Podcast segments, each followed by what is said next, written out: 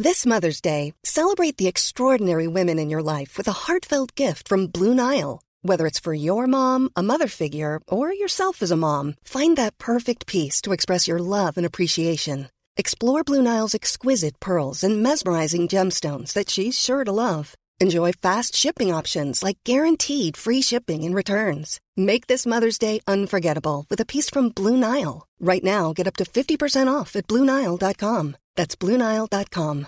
Hey, I'm Ryan Reynolds. At Mint Mobile, we like to do the opposite of what Big Wireless does. They charge you a lot, we charge you a little. So naturally, when they announced they'd be raising their prices due to inflation, we decided to deflate our prices due to not hating you. That's right. We're cutting the price of Mint Unlimited from $30 a month to just $15 a month. Give it a try at mintmobile.com slash switch. $45 upfront for three months plus taxes and fees. Promo for new customers for limited time. Unlimited more than 40 gigabytes per month. Slows. Full terms at mintmobile.com.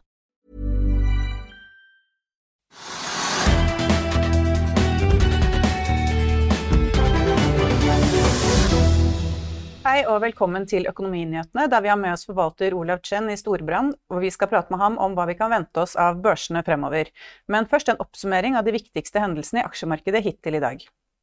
Hovedindeksen på Oslo Børs har falt 2,2% trukket ned av børsfall internasjonalt som følge av Russlands angrep på Ukraina. En høy oljepris har gjort at fallet her hjemme ikke er like bratt som ellers i Europa. Et fat brentspotolje handles nå for nesten 105 dollar fatet, og det er opp over 7 fra i går. Ikke overraskende gjør de oljerelaterte selskapene det godt. Equinor-aksjen stiger 3,3 mens Aker BP er opp 4,8% Vår stiger 3,3 og Norsk Hydro er opp 2,4 på bakgrunn av høyere aluminiumspriser. Aksjekursen har vært oppe i ny all time high i dag, men utenom dette er det ganske rødt på listen over de mest omsatte selskapene. MPC Containerships faller 7,3% mens DNB stuper 6 Storbrann er ned 7,2 og Telenor-kursen faller 3,4 og I dag så våknet vi jo da til krig i Ukraina, og Olav Chen, du er leder for allokering av globale renter i Storbrann Asset Management. Hvorfor reagerer børsene så kraftig på dette angrepet? For det har vært en konflikt som har vart egentlig i åtte år, og børsene har jo allerede tatt inn over seg at det er en konflikt? Ja, Først og fremst er det jo en mørk dag for Europa. At det er eh, eh, krig og eh, man frykter mange eh, dødsfall. Eh, men det her fører jo helt klart til veldig stor geopolitisk eh, usikkerhet. ikke sant? Det har allerede kommet på banen sanksjoner, men det vil nok komme mange flere nå, når USA også våkner til livs. Og det store kanskje spørsmålet for Europa sin del og markedene her blir da også hvilke mottiltak Russland eventuelt vil eh, gjøre da, i en allerede sårbar situasjon hvor eh, energiprisene er høye fra før av. Vi kommer helt sikkert til å diskutere gassprisene og energiprisene og oljeprisen, men eh, hvis du sjekker sant, Russlands eh, eh, produksjon av si mat, hvete, korn osv., og, så og hvis man bruker det i en form for eh, økonomisk krigføring, så er utfallsrommet ganske stort på eh, konsekvensene det har for eh, europeisk økonomi eh, også. I en, I en, fase kanskje hvor inflasjonen allerede er høy også. Men først og fremst en menneskelig tragedie med, med, med, med krig og geopolitisk uro, og det er det som selvfølgelig skremmer markedene. Og spesielt de markedene som er nærmest Eh, Europa f.eks. faller jo kraftigst eh, også, med fem, ned 5 Sverige faller med 4 eh, eh. Eh, For å ikke snakke om eh, det landet som er i krig, da Russland, hvor det falt enda kraftigere. og det har jo også vært en sånn tommefingerregel at kanskje i de landene som er involverte, det som ble invadert, eller det som invaderer, eller som er i krig, det er der også børsene faller Eh, tydeligst også. Men eh, ja, for du, eh, du sa det, hveteprisen har jo steget, sånne priser stiger jo nå. Mm. Er det, hva slags sanksjoner er det Russland kan komme med som kan prege økonomiene? da? Nei, det er fortsatt litt i det blå, men de fleste venter jo at det er en form for at Russland vil strupe en form for gasstilførsel, ikke sant? hvor situasjonen allerede er Eh, eh, litt eh, sårt i forhold til priser, høye priser. de kan skru igjen tilførselen der, og det vil jo ramme økonomisk aktivitet i en region hvor man er avhengig av å importere energi eller gass fra f.eks. Russland eller andre steder. Og øker de prisene, så vil jo det gjøre direkte innhogg i kjøpekraften til husholdninger og bedrifter. Du ser jo bare det, sant, den eh, diskusjonen som vi har hatt i Norge med høye strømpriser, som for så vidt også ble forårsaka av høye gasspriser fra eh, Russland, hvor, eh, hvor, mye uro det skaper da, i befolkningen. Ikke bare Norge, men ellers. Tenk Norge er et rikt land, men tenk, tenk eh, flere land nede i Eh, på kontinentaleuropa som er enda mer avhengig av eh, gass eh, også, hvor prisene da dobler eller øker kraftig. Så det vil helt klart redusere kjøpekraft og økonomisk aktivitet. Det tror jeg for, der, Fortegnene der er ganske tydelig med de høye energiprisene. Men hvor mye vil dette egentlig ha å si for økonomien i Europa fremover? Altså Hva vil den europeiske sentralbanken gjøre f.eks.? Veldig godt spørsmål. og Der er jo på en måte litt fokuset eh, vårt også, eh, i forhold til hvordan vi skal tilpasse porteføljene våre. Eh, jeg, i, jeg, ser at det er noen som sier at eh, det har ført til høyere inflasjon og fører til at sentralbankene kanskje må stramme til enda mer. Jeg tror sentralbanken kommer til å se gjennom dette. De kommer til å se på den, det bidraget til inflasjonen fra energiprisene som er forårsaket av krisen her. Eh, det, det, kommer til å anses som en skatt. At det eh, vil isolert sett, og alt annet likt, føre til at den økonomiske aktiviteten eller veksten i økonomien vil falle. Når energiprisene stiger, så vil europeiske husholdninger, tyske husholdninger ha mindre disponibel inntekt. Da kan de konsumere mindre. Så det er på mange, på mange måter litt Demper litt aktiviteten der. Og det gjelder for, for så vidt for bedrifter også. Så jeg tror ikke sentralbanken kommer til å reagere, men uten å gå alt altfor teknisk til verks, her, men sentralbankene styrer også det man kaller etter inflasjonsforventninger. Hvis inflasjonsforventninger blir forsterket uh, av dette her, at det holder seg og folk uh, priser varene og tjenestene i økonomien deretter, så må de potensielt reagere på det. Men jeg, jeg, tror ikke det. Jeg tror de kommer til å få en unnskyldning nå faktisk til å på en måte få eh, litt mer tid i forhold til den hva skal vi si, den haukete perioden vi har vært i de siste to måneder, to-tre måneder, hvor på en måte både ECB har snudd, Fed har vært på krigsstien i forhold til å heve renten. Jeg mener det her øker i min bok sannsynlighet for at Fed ikke kommer til å heve med 50 basispunkter i mars, om tre uker vel, men bare med 25 basispunkter. De kommer fortsatt til å stramme inn, men det draget, det bidraget du ser fra energiprisoppgangen nå, som vil påvirke inflasjonen, i den grad du klarer på en måte dissekere det og trekke den, det bidraget ut, så tror jeg at sentralbankene kommer til å gjøre det. Motsatt kan du faktisk argumentere for at det her er en unnskyldning for at de kan bruke det argumentet og faktisk eh, eh, eh, holde, holde, pisken litt nærmere eh, og litt lengre, istedenfor å gå for kjapt frem og, mot rentenormalisering. Da. Men hva med Norges Bank, da? Hvis, eh, hvis, dette gjør at Fed og ESB ikke Jo, men Norge, ja, på samme, på samme, vis. Nå var det jo eh, for ikke så lenge siden pristiden at Norges Bank skulle nesten eh, heve på mellommøter også. Men jeg er litt av den konsensus. De, har ikke noe hast i forhold til å verken heve på mellommøter eller 50 basispunkter, men fire hevinger på, på de hovedmøtene, eller pengepolitisk rapportmøtene, det tror jeg fortsatt er ganske benkers i den grad ting ikke eskalerer. Jeg tror ikke den, den eventet her, eller hendelsen her kommer til å utløse en såkalt resesjon. Eh, i form av at arbeidsledigheten øker kraftig. Det tror jeg ikke. Men det kommer til å dempe aktiviteten. Men jeg tror ikke det er en resesjonsutløsende event eh, for Europa, USA eller resten av verden, som vi så under pandemien. Det tror jeg ikke. Ja, for Hvis vi ser litt på Oslo Børs eh, isolert sett, da, så er jo dette egentlig bra for mange av selskapene. Altså ja. Oljeselskapene stiger jo. Mm. Um, og eh, i den grad man kan si at vi er påvirket av krigen, så er vi jo kanskje ikke det like mye, da. Relativt sett så kommer Norge eh, nok en gang. Eh, jeg prater mange ganger om serieflaks eh, som nordmenn i Norge. Og nok en gang, bare tenk på en, ting er oljeprisen, men gassinntektene Norge har hatt, jo, har jo vært helt enorme. Ikke bare som følge av dette, men sist, over de siste året. Så relativt sett så uh, uh, blir Oslo Børs mindre rammet. Ikke sant? Equinor som utgjør nesten 20 som du nevnte, stiger jo og har stiget hittil i år. Og det er for så vidt en trend som vi har sett før også Ukraina-krisen, hvor i hvert fall vi da, har posisjonert våre porteføljer i det vi kaller verdiaksjer. At Eh, for vi, Før Ukraina-krisen inntraff også, så var vi jo veldig redd for uh, en, den helomvendingen sentralbanken har gjort. Inflasjon og høyere renter. Og råvarer og finansaksjer har typisk vært i kategori verdiaksjer og mindre følsomme for stigende renter. Og der er vi fortsatt også, selv om ikke det er renter som driver det, men oljepris, eller råvareprisoppgang som vi ser i dag og de siste ukene. Hvordan er det med aksjemarkedet? Priser man in worst case uh, uh, utfall av krigen? Nei, jeg tror ikke, jeg tror ikke det uh, gjøres ennå.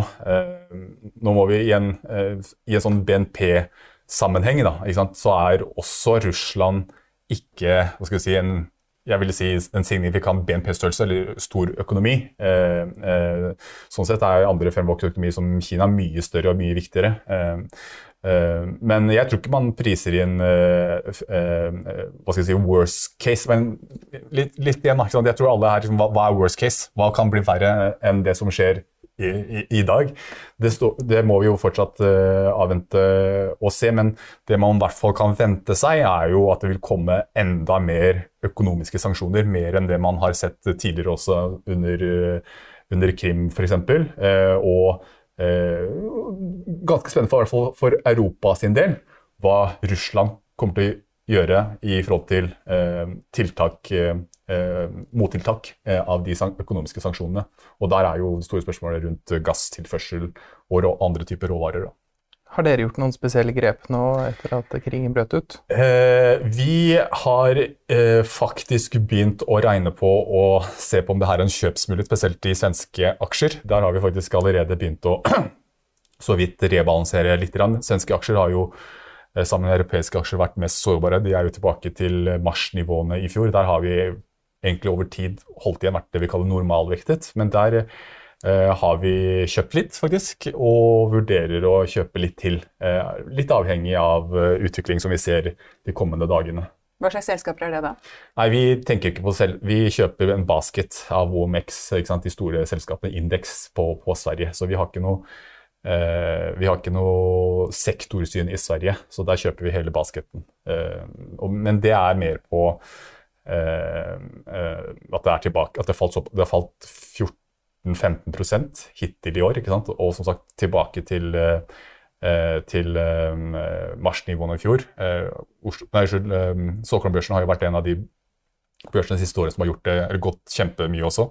Det har gjort at vi en periode litt, fikk litt høydeskrekk, eller tok av, tok, av, tok av, der, og ser nå kanskje spesielt svenske aksjer som en god entry point rundt den uroen her. Hvor stor andel av forvaltningskapitalen er i Russland og Ukraina? Jeg sjekka faktisk det her. Vi har ikke direkte investeringer der. Eh, men jeg tror av det vi kaller eh, emerging market-fond, som, som Storbrann eh, har, så tror jeg utgjør bare 3% Så det er en ganske liten del av eksponeringen som er mot Russland. Men ser man på Russland som et risikabelt marked? Ja, I forhold til uh, den geopolitiske risikoen nå, så er det helt klart spesielt hvor mye det har falt, uh, falt men også eventuelt de økonomiske sanksjonene som man har uh, nå fremover. Det er veldig mye snakk om utestenge um, Russland fra dollar, eller finansmarkedene i det hele tatt, Swift og osv.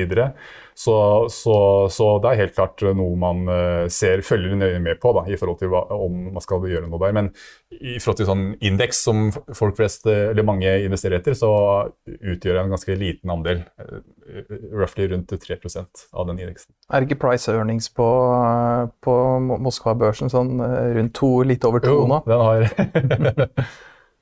Altså, du ser på det som en investeringsmulighet her? Nei, jeg tror jeg ville holdt meg med russiske aksjer. Så, som jeg, igjen, ikke sant? Det, ikke sant? vi er jo ikke noe, jeg er ikke noen sånn sikkerhetspolitisk ekspert her, men, men allikevel så har jo markedene vært gjennom flere type eh, hva skal jeg si, geopolitiske eventer, og det er ofte det vi drar eh, frem, da, hvor man ser at eh, Irak-krigen, Krim, eh, eh Afghanistan osv eh, tommelfillingregel som jeg, jeg, har levd litt etter, er jo at det er landet som en blir invadert, og det landet som invaderer, eller som er i krig. De børsene her bør man unngå. ikke sant? Mens som oftest, eh, hvis man ser litt med litt mer lengre horisont, så har eh, globale markedet relativt sett klart seg bra etter tre-fire uker etter en sånt event. Men hvis man ser på hvordan aksjemarkedene har taklet store hendelser, altså bare sånn som f.eks. pandemien, mm. finanskrisen Det går jo ned, mm. og så rister det seg ja, ja. av ganske fort, det som har skjedd. Så hvor lang tid vil dette prege markedene? Det spørs hvor lenge Putin holder på, og hvordan Vesten reagerer. Så det her er jo helt klart Man kan jo nesten ikke sammenligne med Krim, Krim heller.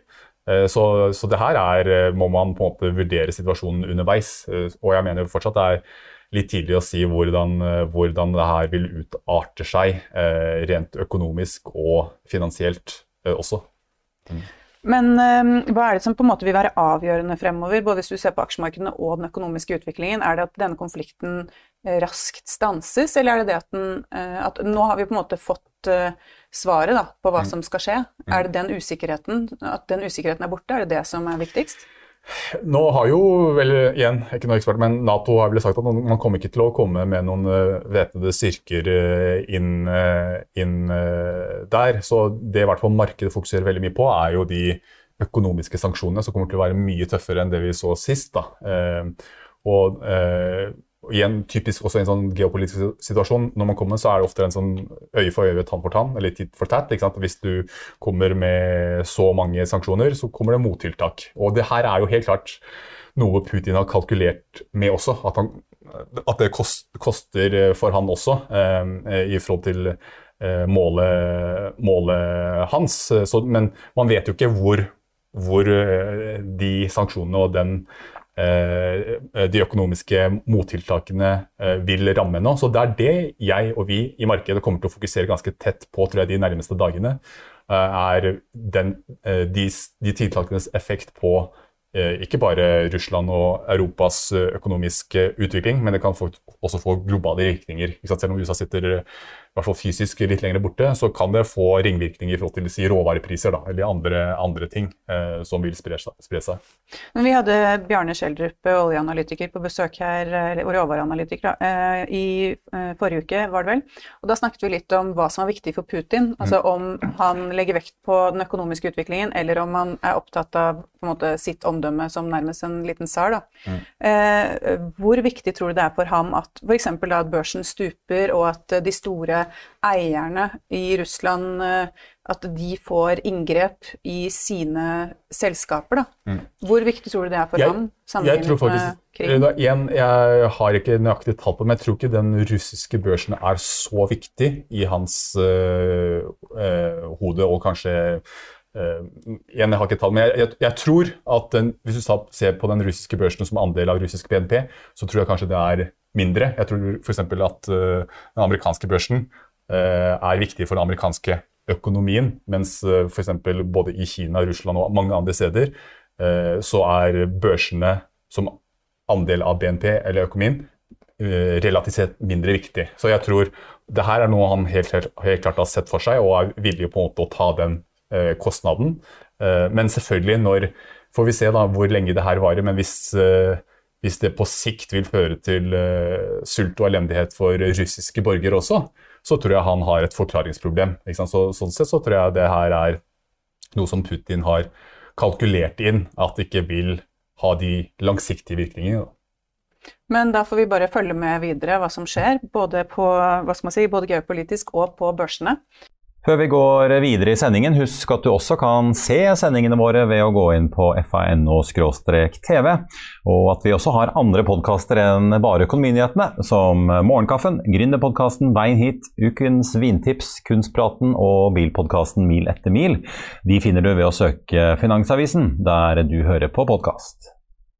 Det var det vi hadde for i dag. Vi er tilbake i morgen klokken 13.30. Vi ses igjen da. Ha det bra!